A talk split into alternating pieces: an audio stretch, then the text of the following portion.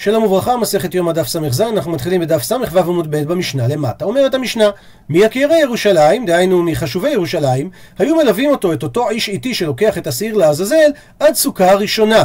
כי הם היו עושים סוכות בדרך, שבני אדם היו הולכים לגור שם לפני יום הכיפורים, ואז הם היו יכולים ללוות אותו מסוכה לסוכה.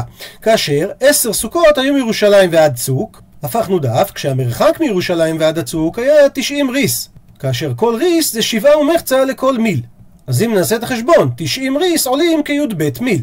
והאנשים שהיו מלווים אותו מסוכה לסוכה, היו הולכים רק מיל, כי מיל זה 2,000 אמה, זה תחום שבת. אז לפי זה ניתן ללוות אותו כ-11 מיל. למה? מירושלים לסוכה הראשונה זה מסע אחד. מסוכה לסוכה עד 10 סוכות יש לנו עוד ט' מסעות, אז בינתיים כבר הגענו ל-11 מסעות, ומהסוכה האחרונה לצוק יש עוד מסע אחד, רק שהמסע הזה יש בו שני מילים, אז ככה זה יוצא בסך הכל 12 מיל.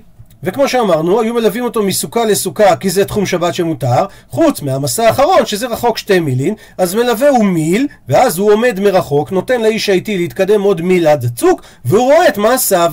וממשיכה המשנה, על כל סוכה וסוכה אומרים לו הרי מזון והרי מים, ומלווים אותו מסוכה לסוכה, חוץ מאחרון שבהן, שאינו מגיע עמו לצוק, כמו שהסברנו, אלא עומד מרחוק ורואה את מעשיו. מביא רש"י את הגמרא שאומרת שלמה אמרו לו הרי מים והרי מזון כי אינו דומה מי שיש לו פת בסלו למי שאין לו.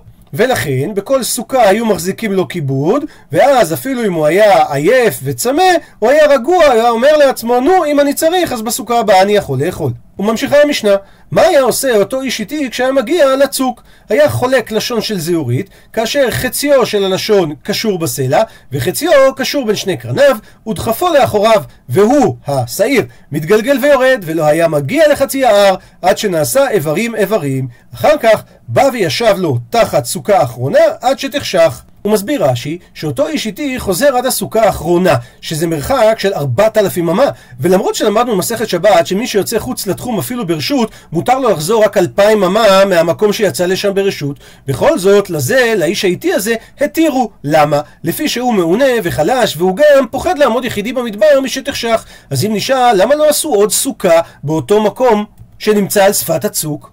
התוספות יונות אבל המשנה עונה שמזה שכתוב בתורה שצריך לשלח אותו אל ארץ גזירה, דהיינו אל ארץ שממה, אז ממילא לא יכול להיות שיהיה עוד אנשים איתו כשהוא זורק את השעיר לעזאזל. וממשיכה המשנה, ממתי מטמא בגדים? שהרי כתוב, והמשלח את השעיר יכבס בגדיו, זה אומר שהבגדים שלו טמאים. עונה המשנה, מי שיצא חוץ לחומת ירושלים. לעומת זאת, רבי שמעון חולק ואומר, משעת דחייתו לצוק.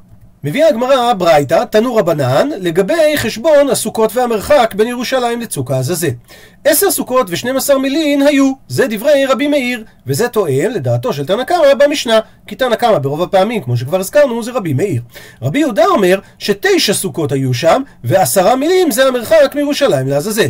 רבי יוסי אומר שחמש סוכות היו מפוזרות על פני ועשרה מילים היו, וכולם על ידי עירוב. זאת אומרת שכל אחד היה מלווה אותו יותר ממיל עד הסוכה על ידי שהוא היה עושה עירוב תחומין. כי התחום, כמו שכבר הזכרנו, שמותר לבן אדם לצאת ממקום מושבו זה אלפיים אמה, ואם הוא עושה עירוב תחומין, אז מותר לו מהמקום שהוא נמצא עד העירוב אלפיים אמה, ומהעירוב והלאה עוד אלפיים אמה. אמר רבי יוסי, סח לי אלעזר בני. רש"י אומר שהביטוי סח לי זה בלשון שחוק על דבריי, וכך הוא אמר לו, אם על ידי עירוב, אם זה הפתרון שאתה נותן, אז יכולה לי לעשות אפילו שתי סוכות ועשרה מילים.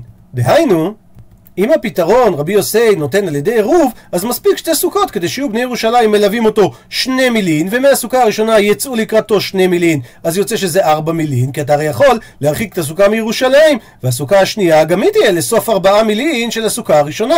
באופן כזה, יהיו מקצת בני הראשונה מערבים לצד השנייה, ומקצת יערבו לצד ירושלים, ואותו דבר, בני השנייה מקצתן מערבים לצד הראשונה לצאת לקראתו שתי מילין, ומקצתן מערבים לצד הצוק ללוותו בית מילין. ובאופן הזה, מספר רבי יוסי שאלעזר בנו אמר לו, שאפשר היה להסתפק בשתי סוכות על מרחק של עשרה מילים. נעזר בסכמה הבאה כדי לראות את כל הדעות. אדם הולך מירושלים עד העזאזל.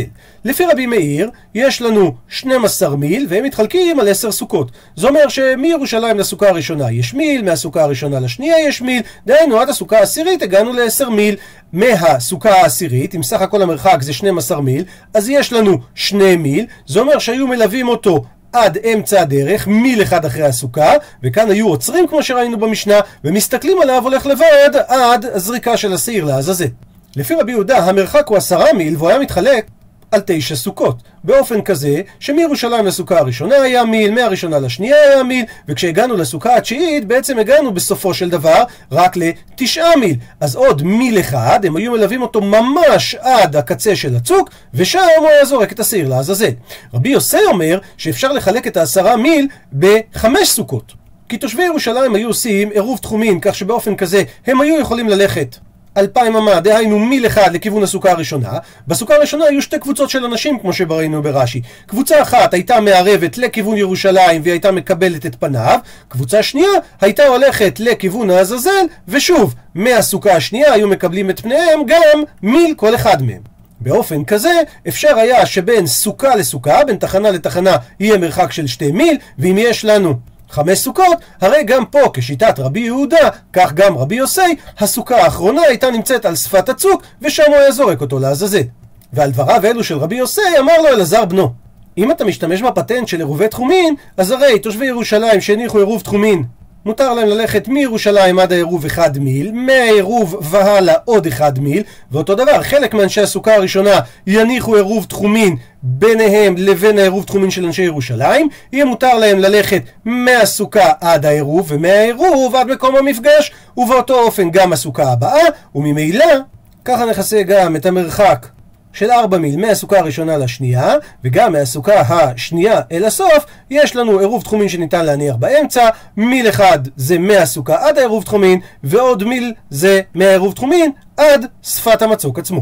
שואלת הגמרא, כמאן אז להא דתניא, כמי הולכת הברייתא הזאת שאומרת, חוץ מאחרון שבהם, שלא הגיע עמו לצוק, אלא עומד מרחוק ורואה את מעשיו, עונה הגמרא, כמאן, כשיטת מי? כשיטת רבי מאיר.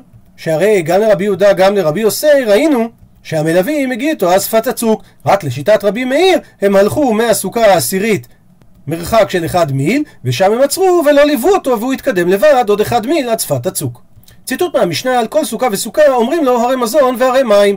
טענה, שנינו בברייתא, מעולם לא הוצרך אדם לכך, דהיינו לאכול את המזון והמים.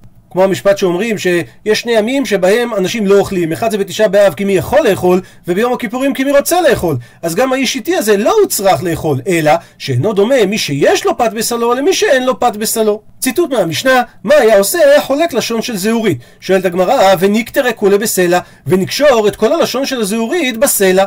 עונה הגמרא, כיוון דמצווה בשעיר, שיש מצווה לדחוף את השעיר לאחוריו, כמו שכתוב, אל ארץ גזרה, דהיינו דבר המתגזר ויורד. ויכול להיות מצב, דילמה, אולי, קדים ומלבין, הלשון של הזוהרי תהפוך לצבע לבן עוד לפני שהוא זורק את השעיר, ומיטב הדעתי, דהיינו מתיישבת דעתו משמחת ליבון החטאים, ואז לא אכפת ללקיים מצוות השעיר. ולכן, אומרת הגמרא, הוא קושר באחרונה קודם את חציה בין קרניו, ואז עיניו תלויות בו, ואת זה הוא עושה אחרון, שמאחר שהוא עסוק בלקשור את זה לשעיר, אז הוא לא יניח מלדוחפו, והיא לא תלבין לחצאים עד שתיגמר מלאכת כולה. ולכן, אנחנו רוצים שאת חציו הוא יקשור על הסלע, ואת החצי יקשור על השעיר, כדי שגם אם זה מלבין לפני שהוא משליך את השעיר למטה, הרי זה ילבין מול עיניו על ראש השעיר, ואין לנו חשש שהוא ישכח להשליך את השעיר. שואלת הגמרא, אז אם כך, ניקטרה כולי בין קרניו, אז נקשור את הלשון של זהורית כולה בין קרניו. למה בכלל לעשות על הסלע? אומרת הגמרא, זימנין לפעמים דגם משלל הרישי, יתגמש, יתכופף הראש של השעיר, ולאו הדעתי. דהיינו, כשהשעיר ייפול לאחריו, אז אותו משלח לא יוכל לראות את הלשון אם היא הלבינה או לא. מביאה הגמרא תנו רבנן ברייתא. בראשונה היו קושרים לשון של זהורית על פתח האולם מבחוץ. ובאופן כזה, כולם היו יכולים לראות מה הצבע של הלשון של הזהורית. ואז אם הלבין היו שמחין, אבל אם לא הלבין היו עצבים ומתביישין. לכן התקינו שיהיו קושרים על פתח אולם מבפנים, כדי שזה לא יהיה גלוי לכולם. ועדיין היו מציצין ורואים שוב. אם הלבין היו שמחים, לא הלבין היו עצבים. לכן התקינו שיהיו קושרים אותו חציו בסלע וחציו בין קרניו. ממשיכה המשנה אמר רבי נחום בר פפא משום רבי אלעזר הכפר. חייבים להזכיר ממצא ייחודי שמצאו ברמת הגולן מעל הנחל ג'ילבון, יש שם כפר בשם דבורה, הוא כפר שמתוארך לתקופת המשנה, ושם מצאו משקוף עם שני עופות דורסים שאוחזים בפיהם נחש, ובאמצע כתוב זה בית מדרשו של רבי אליעזר הכפר. שהוא היה אומר שבראשונה היו קושרים לשון של זהורית על פתח אולם מבפנים, וכיוון שהגיע שעיר למדבר היה מלבין, וידעו שנעשית מצוותו, שנאמר, אם יהיו חטאיכם כשנים, שנים זה צבע אדום, כשלג ילבינו. ציטוט מהמשנה, לא היה מגיע למחצית ההר. איבאי עליהו, נשאלה להם שאלה. אותם איברים, מהן בהנאה? דהיינו, אותם איברים של שעיר המשתלח שהיה מתפרק, האם הם היו אסורים בהנאה או מותרים בהנאה? אומרת הגמרא, רב ושמואל חלקו בזה. חד אמר מותרין, וחד אמר אסורין. ומפרטת הגמרא את המקור לכל אחד. מאן דאמר מותרים, הפכנו דף, דכתיב שכתוב, בוא נקרא את הפסוק בפנים, ונשא השעיר עליו את כל עוונותם אל ארץ גזרה, ושילח את השעיר במדבר. אז המילה במדבר היא מילה מיותרת בפסוק, והיא באה כדי שנדרוש שהאיברים של השעיר הוא הפקר כמדבר. לעומת זאת, מאן דאמר אסורים, מי שאומר שהאיברים של השעירים אסורים, דכתיב כי כתוב אל ארץ גזרה, והמילה גזרה רומזת לנו לשון חומר ואיסור, וממילא נשאלת השאלה, מאן דאמר אסורין, היי, זה שכתוב מדבר, מאי אביד לי, מה הוא לומד מהמילה הזאת? עונה הגמרא מבעילי, הוא צריך את זה כדי ללמוד לכדתניא, כמו שיש בברייתא הבאה. בואו נקרא את הפסוק בפנים, כתוב, והשעיר אשר עלה עליו הגורל לעזאזל, יועמד חי לפני אדוני לכפר עליו, ושלח אותו לעזאזל המדברה. אז זה שכתוב המדברה, ויש עוד פסוק שכתוב נקרא בפנים, ושמח אהרון את שתי ידיו על ראש השעיר החי והתוודה עליו את כל עוונות בני ישראל ואת כל פשעיהם לכל חטאותם ונתן אותם על ראש השעיר ושילח ביד איש איתי המדברה. אז שוב כתוב המדברה ויוצא שיש לנו גם את הבמדבר מהפסוק שהזכרנו קודם אז זה בא לרבות את נוב וגבעון, שילה ובית עולמים שבכולם היה נוהג שילוח השעיר לעזאזל.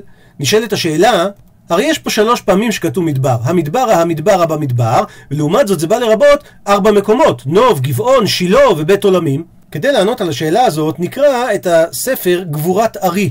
זה של בעל השאגת אריה, הרב אריה לייב גינסבורג, יש אומרים לא גינסבורג, מרבני פולין וליטא במאה ה-18, הוא נודע כחריף ביותר, ספריו, שלושה ספרים, שאגת אריה, טורי אבן, גבורת ארי, היה לו שיטה ייחודית, הוא היה בוחן מקורות בש"ס בראשונים בדרך ביקורתית, מבלי להזקק לפרשנותם של ראשונים ואחרונים, הוא מעמיק בסוגיות בחריפות ובסברות ישרות. גם ידוע שהיה מאוד תקיף, אז הבאתי פה איזה סיפור קטן. מהספר שרי מאה, והיה מעשה כשישב כיסא הרבנות בוולוז'ין, שנבחרו פרנסים חדשים לקהילה, שדעתו לא הייתה נוחה מהם, זה מה שסיבך אותו בכל מקום שהוא היה, אז הוא אמר להם, עכשיו יודע אני מה ההבדל בין בית חרושת לנייר לבין קלפי של בחירות. בית חרושת של נייר מכניסים לתוכו סמרטוטים, הוא מוציא נייר. קלפי של בחירות מכניסים לתוכו פתקאות של נייר, היא מוציאה כנגדן סמרטוטים. אז הוא כותב ככה בספרו גבורת ארי. ואף אגב ששלוש פעמים מדבר כתיבה ויש ארבע מקומות, נו וגבעון הם תראו נחשבים כאחד אחד. למה? כי שעת היתר הבמות היו. דהיינו, המשכן שהיה בהם, הוא לא היה המקום היחיד שמותר היה להקריב קורבנות, אלא היה מותר לכל האנשים לעשות במות גם מחוץ לאותו מיקום. לעומת זאת, שילה ובית עולמים, אמנם בתרווה היו, אסורים הבמות, ועדיין צריך אקרא את שני פסוקים. למה? כי צורת המשכן שם הייתה שונה. המשכן במדבר היה כולו אוהל, בשילה לא היה משכן ממש, אלא בניין אבנים מלמטה ויריות מלמטה, ובבית המקדש לא היה יריות כלל, אלא כתלים עם גג של בניין. לכן צריך שלוש פעמים חוץ ממה שקורה במדבר עצמו, שניים כנגד שילה ובית עולמים, ועוד אחד כנגד נו וגבעון שהם היו על אותו עיקרון. ממשיכה הגמרא, ואידך, דהיינו, הדעה השנייה שאומרת שהאיברים היו מותרים, והיא דרשה את זה מהמילה במדבר, אז היי גזרה, מה יעביד לי? זה שכתוב גזרה בפסוק, מה הוא לומד ממנה? עונה הגמרא מבעילי, הוא לומד מזה לכדתניא, כמו ששנינו בברייתא, כתוב גזרה, ואין גזרה אלא חתוכה. זאת אומרת שהצוק צריך להיות חתוך בזקיפה ולא שהוא יהיה עם שיפוע. דבר אחר, אין גזרה אלא דבר המתגזר ויורד. דהיינו שהשעיר היה מתגזר באיברים איברים. דבר אחר, לימוד נוסף, גזרה, שמא תאמר מעשה תוהו הוא. דהיינו, אם תתהה ותשאל, איזה כפרה יש בשילוח זה? מה יש ביד הצוק זה להועיל? זה לא לעשות תשובה? זה לא ללמוד תורה? לכן, תלמוד לומר, אני השם, וזה מופיע בפסוק אחר לעניין עבודת יום הכיפורים, וזה בא להגיד, אני השם גזרתיו, ואין לך רשות להרהר בהן. אמר רבא, מסתברא, מסתבר לומר, כמאן דאמר שהאיברים של השעיר מותרים. למה? כי לא אמרה תורה שלח לתקלה. כי לא הגיוני שהתורה תגיד לך, תשלח את השעיר, אבל אחר כך יכול להיות שימצאם איזשהו אדם וייהנה מהם, כי הוא לא ידע שהיו מן השעיר, וזה יגרום לו תקלה. לכן מסתבר לומר, כמי שאמר שאיברי השעיר הם מותרים. ממשיכה הגמרא עכשיו לדרוש את הפסוקים. תנו רבנן שנים בברייתא. מה זה כתוב עזאזל? שיהא עז וקשה. כי המילה אל היא לשון של דבר קשה. יכול ביישוב? אולי נשליך אותו מהר שנמצא באמצע יישוב. תלמוד לומר, לכן כתוב במדבר. ומנין שדווקא שבצוק? תלמוד לומר גזרה, כמו שראינו קודם. שגזרה זה דווקא דבר חתוך. דהיינו צוק ולא מדרון משופע.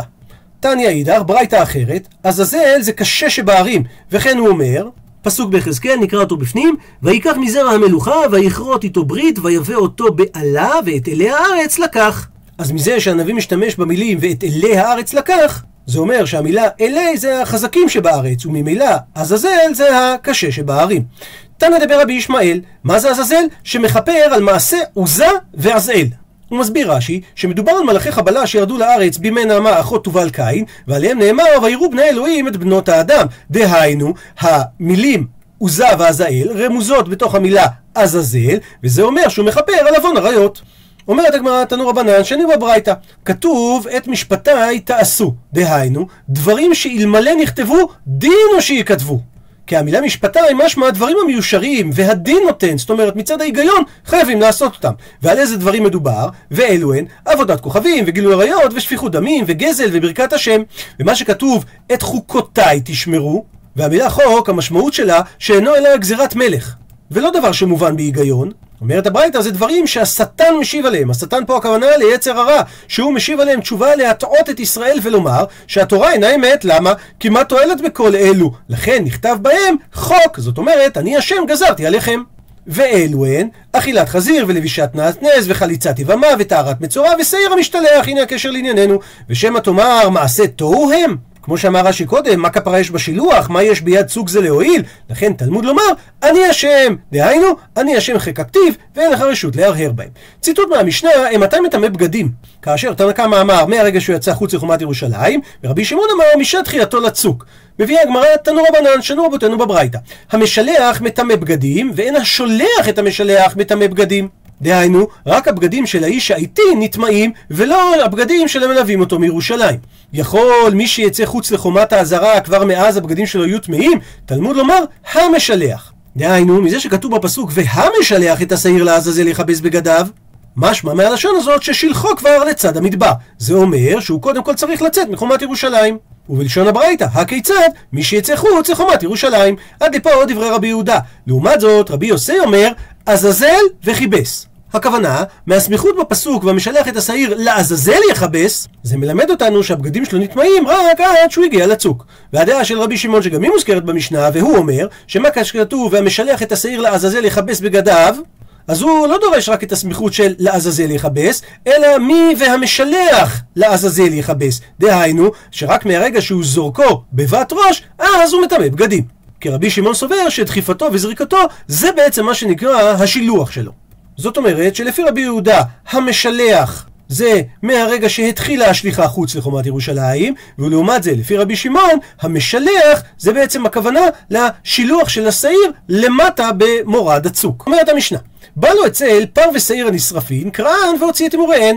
אומר לנו רש"י, שחזר עכשיו התנא לסדר הראשון שהוא מסדר את עבודת כהן גדול. שבא לו הכהן הגדול אצל פר ושעיר העומדים להישרף, אחרי שהוא מסר את השעיר לאותו אדם שמשלח אותו. אז עכשיו הוא חוזר אל הפר והשעיר הנשרפים, והוא מוציא את אותם איברים פנימיים שצריך לתת על המזבח. נתנן במגיס, או במגס לפי גרסת רש"י, שמדובר על קערה של כלי שרת, ואז הוא מקטיר אותם כדכתיב, ואת חלב החטאת יקטיר המזבחה. אנחנו נראה שהגמרא תשאל על סדר הדברים. אחרי שהוא יקטירן על גבי המזבח, הוא קלען במקלעות, דהיינו, כמו שעושים צמא או חלה, הוא קולע את השעיר ואת הפר על שני מוטות, וארבעה בני אדם נושאים אותם, שניים לפנים, שניים לאחור, ומהלכים מוט אצל מוט. והפר והשעיר נתונים עליהם כשהם מורכבים זה על זה, כאשר הגופות שלהם שלמים רק כשנקרא קרסן כדי להוציא את ההימורים. ועל ידי אותם ארבעה אנשים והוציאם לבית השרפה, שהוא נמצא חוץ לירושלים. וממתי מטמאים אותם אנשים בגדים? מי שיצאו חוץ לחומת האזהרה. שהרי כתוב בתורה, והשורף אותם יכבס בגדיו. רבי שמעון חולק על תנא קמא ואומר שממתי הם מטמאים בגדים? מי שיצית האור ברובן. דהיינו, מי שתתפוס האש באיברים. שואלת הגמרא, איך אמרת שמוציאים את האמורי ונתנן במגיס והקטירן על גבי מזבח, והקטירן סלקא דעתך? עולה על דעתך לומר שהוא מקטיר אותם? והלא עודנו לבוש בגדי לבן, ועדיין עליו לקרות את הפרשה בבגדים הללו, ואחר כך הוא יטבול ויטבע גדידי זהב, כדי לשחוט את העיל שלו ואת אל העם, ויטבול בפעם השנייה להוציא כף ומחתה, ואז הוא טובל בפעם השלישית בשביל המוספין ואמורי חטאת הללו ותמיד של בין הארבעים. אז איך המשנה אומרת שעכשיו הוא מקטיר אותם זה לא הסדר? אלא אימה, עונה הגמרא, אלא תאמר שזה לא והקטירן, אלא להקטירן על גבי מזבח. דהיינו, הוא שם אותם באותו כלי מגס כדי להקטיר בו למזבח כשיגיע זמנם. עד לכאן דף ס"ז. למעוניינים, בואו נזכור מאמר שפורסם בתחומין בשילוב מאמר של אה, אורן סעיד לגבי מיקום הר העזאזל. קודם כל יש שמונה תנאים לזיהוי. הראשון הוא שבהר יהיו אבנים חדות או בולטות, או לפחות מדף בחצי המדרון כדי שעליו יתרסק השעיר. שתיים, ישנה אפשרות ירידה נוחה ברגל מראש ההר אל תחתית המדרון, כדי שאם השעיר נשאר חי, אפשר לרדת ולהרוג אותו. שלוש, אנחנו צריכים משהו שנקרא הצוק. או במסורת, או שככה מתאים לקרוא לו. ארבע, זה מקום לא מיושב, כי זה מדבר או ארץ גזירה. חמש, אפשר לראות את זה במקום ממרחק של מיל, כשיטת התנא במשנה. שש, המקום נמצא במרחק של בין 9 ל-14 קילומטר מצפון לירושלים. ובמרחק דומה מנוב, מגבעון ומשילו. שזה החישוב מרחקים לפי השיטות השונות של כמה זה מי. שבע, דרך הגישה מירושלים, נוב גבעון ושילה אל המקום, היא נוחה להליכה, כי בסופו של דבר הוא צריך להוליך את השעיר מאותם מקומות אל העזאזל. והדבר האחרון, שבין המקום הזה לבין ירושלים, במרחק של שלוש קילומטר מירושלים, צריך להיות בקצה המדבר שאינו מיושב, מקום שנמצא בעת חידודו, או שם דומה, שמובא במקומות, אנחנו נראה את זה בהמשך, ששדה הראייה ממנו לבית המקדש מאפשר סימון בסודרים. המקום הראשון שיכול לענות על ההגדרות האלה זה ג'בל מונטר, הוא נמצא 14 קילומטר דרומית מזרחית לירושלים, והפירוש של השם מונטר זה צופה או שומר, כי הוא חולש ומשקיף על כל סביביו. יש שמפרשים שם זה אחרת, ההר המוקפץ, וזה ממש קושר אותו עם הר העזאזל, ובית חידודו גם היא נמצאת בקצה המדבר במרחק של שלוש מילים ממזרח לירושלים. אז אמנם פרופסור וילנאי אומר שיש סברה שזה הר עזאזל בהסתמך על השם מונטר ועל השם ביר עסוק שמזכיר את המילה צוק, אבל זה לא חד משמעי, והבעיה בעיקר היא שזה לא עונה להגדרה שהוא צריך להיות סמוך לנוב לגבעון ולשילה ולא רק לירושלים. האופציה השנייה היא לזהות את זה עם נבי מוסא, הבעיה היא שהמרחק האווירי זה 18 קילומטר מזרחית לירושלים וזה לא כל כך מתאים. האופציה השלישית היא מקום שנקרא מר סבא, אבל גם היא נמצאת 18 קילומטר ולכן מבחינת המרחק זה לא מתאים. יש עדות של רבי אשתורי הפרחי בספרו כפתור בפרח, שהוא אומר, נשוב לירושלים ונלך לדרום ביושר כמו שעה, שם גבורת רחל, ומשם אל בית לחם כאלפיים אמה, מירושלים לעזאזל כשלוש שעות, וחלחול ותקוע שם סמוכים. אבל הרב קוז'ניץ תמה על דבריו, הרי תקוע רחוקה מירושלים, גם היא מרחק גדול מדי, 16 קילומטר. וחלחול רחוקה מתקוע 11 קילומטר, אז מה הקשר ביניהם? ולא הגיוני לומר שביום הכיפורים היה הולך אותו איש איטי מרחק של 30-40 קילומטר. אבל אורן סעיד מיישב את הדברים במי פירוש אחר לדברי הכפתור בפרח. הוא רוצה לומר שמה שאמר הכפתור בפתח אה, חלחול ותקוע, הוא מתכוון לא לחלחול מצפון לחברון, אלא למרחב מדברי עשרה קילומטר דרומית מזרחית לתקוע, שמכונה עד ימינו בשם חלחול אל-כביר. דהיינו חלחול הגדולה. ולפי זה ניתן לזהות את המקום שעליו מדבר הכפתור בפרח עם עסוק או סיקה בצוקי נחל תקוע, דהיינו ואדי חריטון. הרב קושטיץ עצמו רוצה להגיד שהצוק המתאים ביותר נמצא במרחק של כמעט 14 קילומטר צפונית לירושלים, וזה בנחל מכמש, ואדי צוינית. באופן הזה הוא רחוק גם מנוב, גבעון, שילה וירושלים מרחק תואם. הזיהוי האחרון שמביא אורן סעיד זה של פרופסור אבי ששון, שהוא מציע לזהות את מקום הצוק על סמך מיקומו של בית חידודו שנזכר במשנה כנמצא על הדרך להר העזאזל במרחק של שלושה מיל מירושלים. הצעת הזיזוי שלו זה אין חוד שבאלעזריה. לפי ההצעה זו, מיקום הר העזאזל זה בחאן אל חטרורה, זה צוק שסמוך למעלה אדומים. וייתכן ששמו של המקום בערבית חטרורה נגזר מהמילה חטור שמשמעותה ארץ גזרה, דהיינו מקום השילוח שהוזכר בתורה. אז לפי כל הזיהויים האלה, אם אומרים לך לך לעזאזל, אתה יכול לבחור לאן ללכת, יש הרבה אופציות.